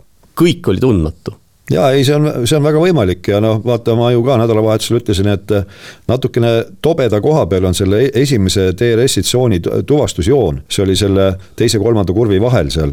et see tegelikult tekitab sellise olukorra, et ennem stardi-finiši sirget keegi ei hakka mööda sõitma, aga käesoleval või äsja lõppenud võistlusel ikkagi me nägime seda, et ka seesama Hamilton just nimelt läks, Gasly'st läks mööda seal stardi-finiši sirgel seitsmeteistkümnes kurvis ja muidugi, eks tema kalkulatsioon oli äh, siis toet-, toet-, toetus sellele, et Gaslyl on rehvid nii läbi, et ta ei saa seal DRS-i tsoonis lihtsalt talle vastu. nii et see võib õigus olla küll, et kui nüüd kõik läbi kalkuleeritakse, siis järgmine aasta võib-olla nii vägevat võidusõitu ei tule, aga eks me seda näeme siis järgmisel aastal. kui kaugel me selles äh, sõidu analüüsis oleme, sest ma tahaks ühe, ühe asja välja tuua, mis lõpus juhtus. no ma mõtlesingi, et äh, seal vahepeal toimus nii palju, et, äh, et võib-olla hüppakski sinna, mis, mis toimus siis viimasel viieteistkümnel ringil, kui seal Leclerc ja, ja Tšeko omavahel vahetasid kohti ja, ja siis äh, hakkas seal toimuma. Kui sa, kui sa sellest äh, see võib-olla jääb liiga hiljaks no, liiga varajane on sellega, mida mina tahtsin rääkida, aga sinna juurde jäi see ka, kus äh, Verstappen läks Russelli, Russellist mööda. jaa, see oli kahekümne viies ring. kahekümne viies ring ja. ja Russell keeras peale ja tagantjärgi isegi Verstappen raadiosedes oli kuidagi leebe, ütles, et ta vist ei näinud mind et ei olnud sellist mingit noh, ülierutatud olekut, et vaadake, mis ta kaabakas tegi või midagi, et jällegi kuidagi minu jaoks kummaliselt rahulikult käitus Verstappen, vähemalt selles raadioside lõigus. aga see ei olnud ju Hamilton see ei olnud ka Ocon, kelle kui no, me rääkisime taga, sellest äh, kvalifikatsioonist, siis oli eriti stupid idiot, mis on nagu veidi, veidi üleliigne see stupid või idiot, aga, aga noh, see selleks. et tõesti nagu ütles, oi, kuule, ta vist ei näinud mind ja Russell hiljem tunnistas ka, et ta tõesti ei näinud. ja seda oli nagu väljas seisjale ka oli näha lihtsalt, et või aru saada, et Russell tõesti ei näinud. aga noh, tulemus oli see, et Russell sai jälle viis sekundit karistada, ma ei tea selline tunne, et ta saab iga, vähemalt üle etapi saab juba mingi, mingi, millegi eest karistada, et Russell ka veidikene liimist lahti tundub see aasta olevat. no eks ta kangutab seal kõvasti, et tõestada ikkagi seda, et äh, tema on seal Mercedese parim roolikeeraja, aga seal veel enne neid oli veel situatsioon, kus Piastri ja Hamilton said oma, omavahel kokku ja olid sunnitud äh, ekstra boksipeatuse tegema ja sellest oli küll tuliselt kahju, sellepärast et hoolimata sellest, et äh, olid justkui tõsiselt pigis McLarenid, siis Piastri ju väga jõuliselt tegelikult sõidu käigus tõusis ja tegi vägevaid möödasõite. no Piastri tõusis kohe alguses ja nemad Strolliga ja oota, kes meil seal veel oli, no neid tõusjaid oli alguses tegelikult päris, päris ja Ocon muidugi ka jah? Ja.. jah, nemad kõik kolmekesi kasutasid seal esimeste kurvide mäsu korralikult ära, aga kui nüüd seda Verstappeni ja Russelli avariid veel vaadata, siis täiesti hämmastav, et mõlemad autod, eriti just Russell, mõlemad sõitsid edasi ja mõlemad justkui ei kaotanud kiirust, kuigi noh, Verstappen pärast ütles, et natukene auto alajuhitavamaks muutus, aga vähemalt ei paistnud see tulemuses küll kuskil ega, ega kõrvaltvaatajale ei paistnud ka auto käitumises kuskilt see välja see oli jah huvitav, sest kui võtad selle intsidendi, kus tükke lendas ja, ja kutsuti turvaauto välja veel, et, et kõik ära koristada sealt ja võrdled seda näiteks sellesama Hamiltoni Piastri kokkupõrkega, kus keset käisid väljad kokku, siis see välja, välja kokkukäimise tulemus oli palju äh, tõsisem kui see, mis seal äh, Russelli ja Verstappeni vahel aset leidis, kui jupp igale poole lendas. aga kas nüüd äh, võib öelda, et see episood pärast Verstappeni ja Russelli kokkupõrget kui tuli turvaauto ja Leclerc'i ei kutsutud boksi. kas see oli Ferrari taktika järjekordne fopaa või oli see õigustatud? see on nüüd selline Mina küsimus, no Nad tegid õige otsuse, see, see kasiinoautomaat, kus nad tõmbasid küle peal seda kangi, see andis neile õige tulemuse. jah, mina olen sinuga vist isegi nõus, et äh, see oli täpselt selline fifty-sixty olukord, et äh, no igal juhul lõppkokkuvõttes võime öelda, et nad ei teinud silmapaistvalt valesti midagi et, et me ei tea, kas, kas oleks äh, Leclerc suutnud võita, kui ta oleks selle ühe boksipeatuse teinud, võib-olla oleks, võib-olla ei oleks vaadates seda, kuidas Ferrari käitus erinevatel rehvidel, siis nende medium rehvide peal neil oli selge eelis Red Bulli ees. ja, ja seda Leclerc näitas, kui kaua ta suutis väljas püsida enne, enne oma esimest boksi peatust. aga nii kui nad nende kõva, kõvematele rehvidele läksid, Leclerc'il ei olnud seda eelist enam. Red Bull suutis nende kõvade rehvidega ka väga hästi hakkama saada, mõlema, nii Tšeko kui, kui Verstappen. nii et see, see eelis kadus ära ja see kiirus kadus ära, see kiiruseelis, sest mis iganes põhjusel Red Bull Bull sõi neid keskmisi rehve rohkem ja seal see viis ringi, neil oli erinevus siis jah ja., Verstappenil ja äh, Tšekol Verstappenil versus siis Leclerc oli viis ringi, värskemad rehvid. ja, ja see eelis oli Leclerc'il natukene Tšeko vastu, eks ju, ta suutis lõpuks ikkagi edestada Äh, Tšekod, nii et see boksis käik seal ei oleks midagi muutnud, aga Verstappeni vastu ma ei usu, et ta isegi kui Leclerc oleks boksis käinud, et see oleks suutnud teda kaitsta. Verstappenil oli liiga palju kiirust nendel kõvadel rehvidel. Kas ma mäletan õigesti, et Leclerc'il isegi ei olnud teist komplekti keskmisi rehve võtta? ei olnud vist jah, et ta. et see, see jah, kui, kui tal neid tõesti ei olnud, mul, mul nagu häguselt on meeles, kui see tõesti nii oli, noh siis on selge, siis see oligi ainuõige otsus tegelikult. jah, ja no jällegi, mis oli huvitav tegelikult, et, et täpselt nagu sa, Fredi, ütlesid, et äh, nende keskmiste rehvidega eelis oli Ferrari'l, sellepärast et äh, kulusid rehvid alt ära, sooritusvõime ju kadus, et siis, kui sai äh, Leclerc mööda Verstappenist, siis sellel hetkel võib-olla juba oli kutsutud või ennem seda hetke, kui ta mööda sai, oli Verstappen tegelikult kutsutud juba boksi. Ja, ja selle viiesekundilise karistusega ka veel, mis Verstappenile langes, siis oleks olnud ilma turvaautodeta sõit, see rahulik, tavapärane sõit, siis ilmselt Leclerc oleks suutnud hoida seda edu. Verstappen ei olnud nii palju kiirem, et ja kuna ta kukkus veel sinna taha ka äh,, kes seal tema ees veel kõik olid, see oli ports sõitjaid, sealhulgas Stroll ja, ja vist mõlemad alpiinid ja Russell sai temast ette ja, ja kõik, kõik see, nii et ma ei usu, et seal oleks olnud Verstappenil lõpus pärast sellest rivist möödumist piisavalt rehvi järel, et enne lõppu veel Leclerc'ist mööda saada. no Leclerc Aga... ütles, Leclerc ütles täiesti selge sõnaga, et teine turvaauto võttis võidu ära ilmselt see nii oligi. jah, see teinekord läheb niimoodi, see on lihtsalt, aga mis selle juures jälle taaskord mind hämmastab, see, et Verstappen ja Red Bull võidavad. et sa võid anda talle karistuse, sa võid, äh, ta võib kokku põrgata, juppe auto küljest kaotada ja, ja kukkuda veel teiste taha võistlusrivis, kukkuda oma võistkonnakaaslase taha võistlusrivis, kes tegi ka üsnagi tugeva sõidu. ja ikka ta tuleb kuidagi välja ja võidab selle, nii et, et see on selline tase, mida on väga-väga harva vormel ühes näha ja see on, see on muljetavaldav. ja tuleks äh, vormel ühe korraldajatel tuleks uurida, mis ikkagi Singapuris teistmoodi oli seal, et miks seal ei suutnud Red Bull ja, ja, ja Verstappen kuidagi noh, põhimõtteliselt sarnasest olukorrast äh, välja rabeleda. No, muidugi, muidugi praegu on. pool kui oleks pool kalendrit toimunud Singapuris, pooled sõidud ka Singapuris toimunud, siis Red Bull ilmselt, ma arvan, pärast paari etappi oleks ilmselt läbi hammustanud selle, mis seal teha tuleb ja lõpptulemus oleks see ikkagi sama olnud ja Verstappeni needsamad võidud. jah, ilmselt, ilmselt küll jah, et ega see optimeerimise ülesanne, et ega seda tehakse võib-olla ükskord valesti ja teinekord võib-olla natukese kuvamisi, aga edaspidi üldiselt saadakse pihta aga nüüd ma ikkagi jõuan selleni, et äh, kolmekümne viiendal ringil Leclerc tõusis liidriks, sõitis äh, Tšekost ehk Sergio Perezest mööda. kolmekümne seitsmendal ringil sõitis Verstappen omakorda Leclerc'ist mööda ja neljakümne kolmandal ringil sai Leclerc jälle. Äh, või ei, siis tuli kudapidi see nüüd oli, jah, siis tuli Tšeko uuesti Leclerc'ist mööda ja, ja tundus, et nüüd võib-olla siis ongi tehtud ja, ja on Red Bullide kaksikvõit, aga võta näpust, ei suutnud eest ära sõita ja, ja püsis päris hästi tempos seal Leclerc. no tegelikult oli ju Leclerc ise tegi sõiduvea ja Perez sai vist pea kaks sekundit vist tekkis ja. korraga see vahe, aga Leclerc võttis selle kinni ja, ja see vahe tagasi sõitmine ei lõhkunud tal rehve ka ära, nii et äh, nägime jah, see viimase ringi möödasõit, noh, isegi võiks öelda peaaegu, et sisuliselt viimase kurvi möödasõit. kas te mäletate aastal kaks tuhat neli Prantsusmaa Grand Prix.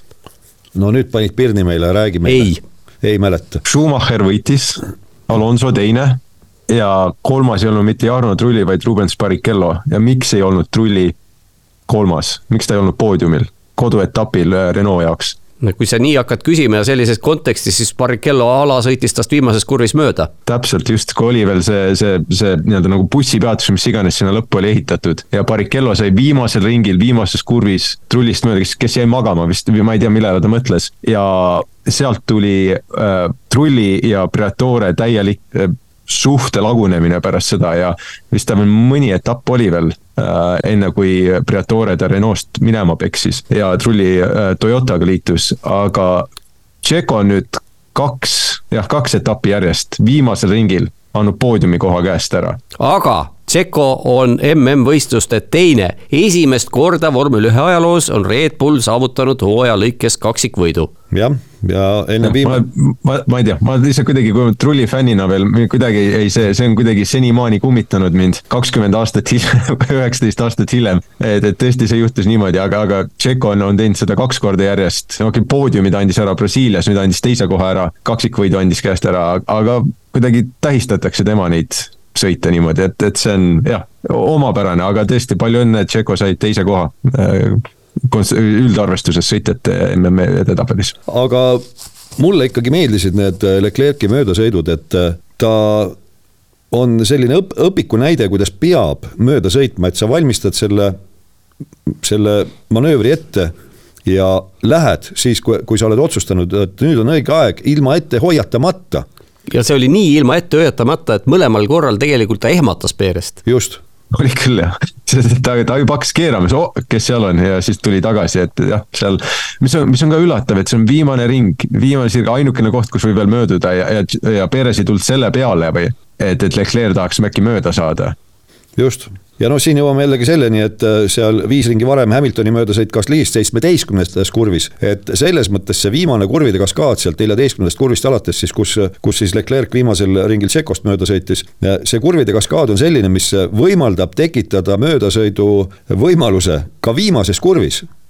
kui ees, see, kes ka, katab, eksib no Gasly antud juhul temal olid rehvid nii läbi, et noh, seda võib ka, võib no,, võib kvalifitseerida nii-öelda eksimuseks. no just ja, ja just see, et sellel lõigul sealt neljateistkümnendast kurvist alates kuni finišijooneni DRS-i kasutusel ei ole. Et äh, see mulle ka väga meeldib tegelikult, et, et selline lahendus seal on leitud, no nagu me juba korduvalt oleme selle saate jooksul öelnud, et tegelikult need DRS-i tsoonid on seal vähemalt esimese võistluse põhjal sellel rajal tunduvad olevat õnnestunud no vot, aga nüüd selle sõidu tulemusena siis äh, on edetabelis seis selline, et äh, esimesed kolm on raudselt paigas. Äh, individuaalselt Max Verstappen esimene, Perez teine, Lewis Hamilton kolmas, aga nüüd siis äh, kahesaja punkti peal neljandal-viiendal kohal on kaks hispaanlast, Carlos Sainz ja Fernando Alonso, no Sainz on eespool sellepärast, et tal on ette, etapivõit ette näidata, aga ega nende selja taga seal ka on, Lando Norrisel on sada üheksakümmend viis punkti, viis punkti vähem ja, ja Charles Leclerc'il on siis sada kaheksakümmend kaheksa punkti, et justkui pole ka väga kaugel. selles mõttes justkui see neljas koht nüüd väga kindel ei ole, aga teisest küljest noh, keda see huvitab, samas võistkondi väga huvitab see võistkondade raha jagamine ja siin nüüd teine, kolmas koht on ainult neljapunktise vahega, Red Bull on ammu eest ära läinud, aga Mercedesel on praegu neljapunktiline edu enne viimast etappi Ferrari ees. Ja kui me vaatame seda punktisaaki nüüd Las Vegasest, siis Mercedes korjas kümme punkti terve etapi pealt äh, kokku, Ferrari kakskümmend kuus, nii et asi läheb põnevaks. noh, ja samamoodi neljanda koha peale McLaren versus Aston Martin, seekord äh, Aston Martinil õnnestus lausa kaksteist punkti korjata, McLarenil ainult kaks, noh viimaste etappide, mis viimaste etappide, no ikka juba päris tükk aega üldisele trendile täiesti vastupidine nähtus. Norrise seekordne null, esimene kord pärast kahtteist etappi, kui ta nulli peale jäi. Nii et ei, ei ole seal ka sugugi nii ilmselge, et kuigi jah, trendid näitavad, et McLarenil ei tohiks mingisugust probleemi olla, aga palun väga, üks vale otsus, mõlemad autod stardivad äh, viimase viie seast, siis üks lendab ka kohe seina, teisel äh, rehvi taktika on niisugune, nagu ta on, noh, satub veel ka avariisse, igasuguseid asju võib juhtuda, kes ütleb, et Abu Dhabis ei või juhtuda? Abu Dhabis ei juhtu mitte midagi, kui Latifit seal ei ole, siis seal ei juhtu mitte midagi no ei tea midagi, et eh, ikkagi, kui seda meeskondlikku punktitabelit eh, vaadata, siis mina tikun arvama, et eh, praegu selle järele jäänud vähem kui nädala jooksul igasugused taktika, strateegia osakonnad ragistavad kõvasti ajusid ja, ja siis käiakse mingisugune pärast muidugi vabatreeninguid ja kvalifikatsiooni käiakse mingisugune seksuaalfantastiline plaan siis võistlejatele välja, mida nad täitma peaksid. no mida plaani sa seal täidad, eks see plaani saab ainult teha selle pealt, kuidas su autod sõidavad, aga viimastel, ma ei tea, mitmel viimasel etapil oleme juba näinud, et et äh, sellised äh, sooritusvõime kõverad käivad üles-alla küll üsna kaootiliselt ja mingisuguseid ennustusi teha on äärmiselt keeruline välja arvatud see, et Verstappen võidab. ja see, just see hooaeg on tõesti olnud väga iseloomulik see selles mõttes, et, et igast asju võib juhtuda. ühel etapil Mercedes on, on täiesti kuskil tagaotsas, teisel etapil jälle on, on esiotsas ja, ja McLaren tundub niimoodi, et edasi-tagasi käib, kuigi neil viimased etapid olid väga head, et tõesti on üliraske prognoosida midagi, ainukene, mida saame öelda, et Verstappen on ilmselt võitmas, nii et rohkem analüüsi on väga raske teha. no ja kui Verstappen on tänavu võitnud juba kaheksateist etappi, noh, on võimalik ka veel üheksateist äh, võtta, kui Abu Dhabis peaks ta võitma ja, ja tõesti, miks ta ei peaks seal järsku võitma? Ja jõudis ju Verstappen nüüd võitude arvult järele Sebastian Vettelile, viiskümmend kolm võitu on mõlemal aga kui veel seda punktitabelit vaadata, siis äh, niisugune huvitav äh, seaduspära on ka veel, et äh, Red Bullil on üle kahe, tähendab, on Red Bullil on rohkem punkte kui Mercedesel ja Ferrari'l kokku. ja, ja selline seis on püsinud aasta algusest peale. heakene küll, seal oli enne oli Aston Martin Red Bulli lähim, no ma ei tahaks öelda konkurent, aga ütleks lähim kaasvõistleja. aga, aga selline seaduspära jah, on, on püsinud ja noh, loomulikult, kui sul sõitjad on hooaja lõpuks esimene, teine, noh, kui me muidugi hakkame nüüd mõtlema seda, et eh, mismoodi Perezil pärast Miami etappi, mismoodi neid punkte on kogunenud, siis midagi sellist säravat küll meelde ei tule ja noh, hoopis kummaline on, et mis pagana väega Lewis Hamilton on punktitabelis kolmas ja sinna ta jääbki. see on minu jaoks ka täielik üllatus tegelikult, et äh, varem ma ei pööranud sellele mingit tähelepanu, siis täna äkki vaatan, et oota, mis mõttes, et äh, Hamilton on hooaja kokkuvõttes kolmas, arusaamatu. No vot, tuleb välja, et äh, Lewis Hamilton ei ole teinud tänavu midagi erilist, aga ta on teinud seda hästi ta on nagu ütleme, vormel ühe Richard Burns või midagi sellist, kuidagi neid kogub neid punkte, kes, kes rallit toona veel vaatas. aga, aga Verstappeni, ma huvi pärast jah mõtlesin, et praegu Verstappeni kaheksateist võitu see hooaeg on sama, mis Bottase ja Ricciardo karjäärivõidud kokku. noh, sa võid neid no, no seda küll jah, aga see ongi näide sellest, kui auto on väga hea, mees on väga hea, kui nende kooslus niimoodi klapib kõik, no nagu me siin rääkisime, et või Toomas eelkõige, et vahet ei ole, mis seal Verstappeniga võistluse käigus juhtub sel hooajal, lõpuks on ta ikka eesotsas. aga see näitabki seda, et, et kogu see kooslus toimib suurepäraselt ja just, et, et Verstappenil on selline usaldus auto vastu, et ta piltlikult öeldes on, on selle autoga kokku kasvanud. no ja tiimiga ka ikkagi, et põhimõtteliselt võetakse kogu aeg õigeid otsuseid vastu kas me nüüd äh, Ameerika saate lõpetuseks räägime ka Ameerika autotootjast? Sest see, see on uudis, mida me peame igal juhul mainima ja veidi, veidike peaks põhjalikumalt ka analüüsima. no räägime, jutt on siis General Motorsist. ja veel täpsemalt Cadillacist. Ja, ja nemad siis äh, andsid ametlikult oma avalduse sisse, et aastast kaks tuhat kakskümmend kaheksa nemad on vormel ühes mootoritarnija, aga, aga selle äh, tärniga, et see ainult siis Andretti vormel üks tiimiga jah, ja ülejäänud võistkonnad ütlevad, et äh, kõik, mina saan aru, et kõik ülejäänud võistkonnad praktiliselt on öelnud isegi või, või Zac Brown ikkagi hoidub sellest äh, väljendist, et äh, tere tulemast, General Motors, aga mitte tingimata koos Andretiga või pigem üldse mitte koos Andretiga noh, eks see on jälle seesama raha jagamise värk, nii et äh, keegi ei taha ju, et tema, tema osa sellest suurest rahapotist väheneks, see on see tants ja trall Andreti ümber on ju käinud, ma ei tea, kui kaua aega juba, nüüd on, nüüd on ta nii-öelda ametlikus faasis, et peaks, FOM peaks kuidagi heaks kiitma selle, no aga FOM ei tee seda kindlasti, kui kõik tiimid on vastu, kuigi tiimidel formaalselt justkui ei tohiks olla mingit sõnaõigust. jah, nemad ei ole otsustusprotsessi juures, aga nemad saavad seda lobitööd teha. ja li lihtsalt see, see, et nad on nõus tulema, see on vormel ühe jaoks väga, väga suur sõna. et Cadillac ja General Motors, me ei, me ei räägi siin Hondast või, või Fordist või, või Renault'st, kes edasi-tagasi hüppavad muudkui vormel ühte sealt välja uuesti. et, et tuua Cadillac, eelkõige General Motors, maailma üks suurimaid autotootjaid, vormel ühte on, on väga suur saavutus. ja, ja mis mind endas, ennast jälle häirib, on see meeletu silmakirjalikkus mis sellel, sellel kogu sellel grupil on ja kui on erinevaid kogu aeg verstaposte antud Andretile ette, mida, mida püüda ja nad muudkui toovad neid või saavutavad neid ja, ja ikka leitakse mingi vabandus, mingi mis iganes obskuurne väljamõeldud vabandus jälle, miks ei, ei, ei, ei sobi Andreti vormel ühte ja siis see Cadillaci värk on ju üks hea näide, et öeldi ka, et kui, kui küsiti, et, et noh, miks, et aga, et Andreti toob ju Cadillaci vormel ühte, siis oi, et see on ainult äh, sponsor ja nad sõidavad mingi Renault mootoritega ja Cadillacil on lihtsalt ainult oma kleep seal mootori peal. siis palun väga, nüüd, nüüd nad päriselt toovad General Motorsi vormel ühte mootoritootjana. Oluliselt rohkem kui Red Bull toob äh, Fordi äh, põhimõtteliselt klepeka maksjana sinna sellesse sarja, nii et sellistes olukordades ja, ja nüüd jälle öeldakse, et ei, et see, see ei ole piisav, siis see on ülim silmakirjalikkus ja ja taaskord jõuame selleni tagasi, et, et vormel üks peab veidikene pingutama, et mitte olla regionaalne sport. jah, aga tundub, et see Cadillac või General Motorsi saabumine, no räägime esialgu siiski potentsiaalsest saabumisest, sest ega kaks tuhat kakskümmend kaheksa ei ole sugugi nii kaugel, nagu ta tundub. See ehmatas kõiki. Tuli kõikidele täieliku üllatusena, keegi ei oodanud, kõik arvasidki, et on a la selline Red Bulli ja Fordi diil. Jah, ja siin ma olen äh, Frediga jumalast nõus, et äh, silmakirjalikkuse tippklass, et äh, te sildistate teisi nii-öelda kleepsu omanikeks kui te ise tegelikult seda ju teete, kes see Ford teil on siis partnerina, ta ei ole ju partner, ta lihtsalt on teil sponsor muud ei midagi, teil on ju oma mootoriosakond, teil on palgatud inimesed sinna, töö juba käib ja, ja Ford lihtsalt äh, paneb oma kleepsu sinna juurde, muud mitte midagi. no Ford toodab neid äh, siniseid ovaale, mida saab auto peale panna.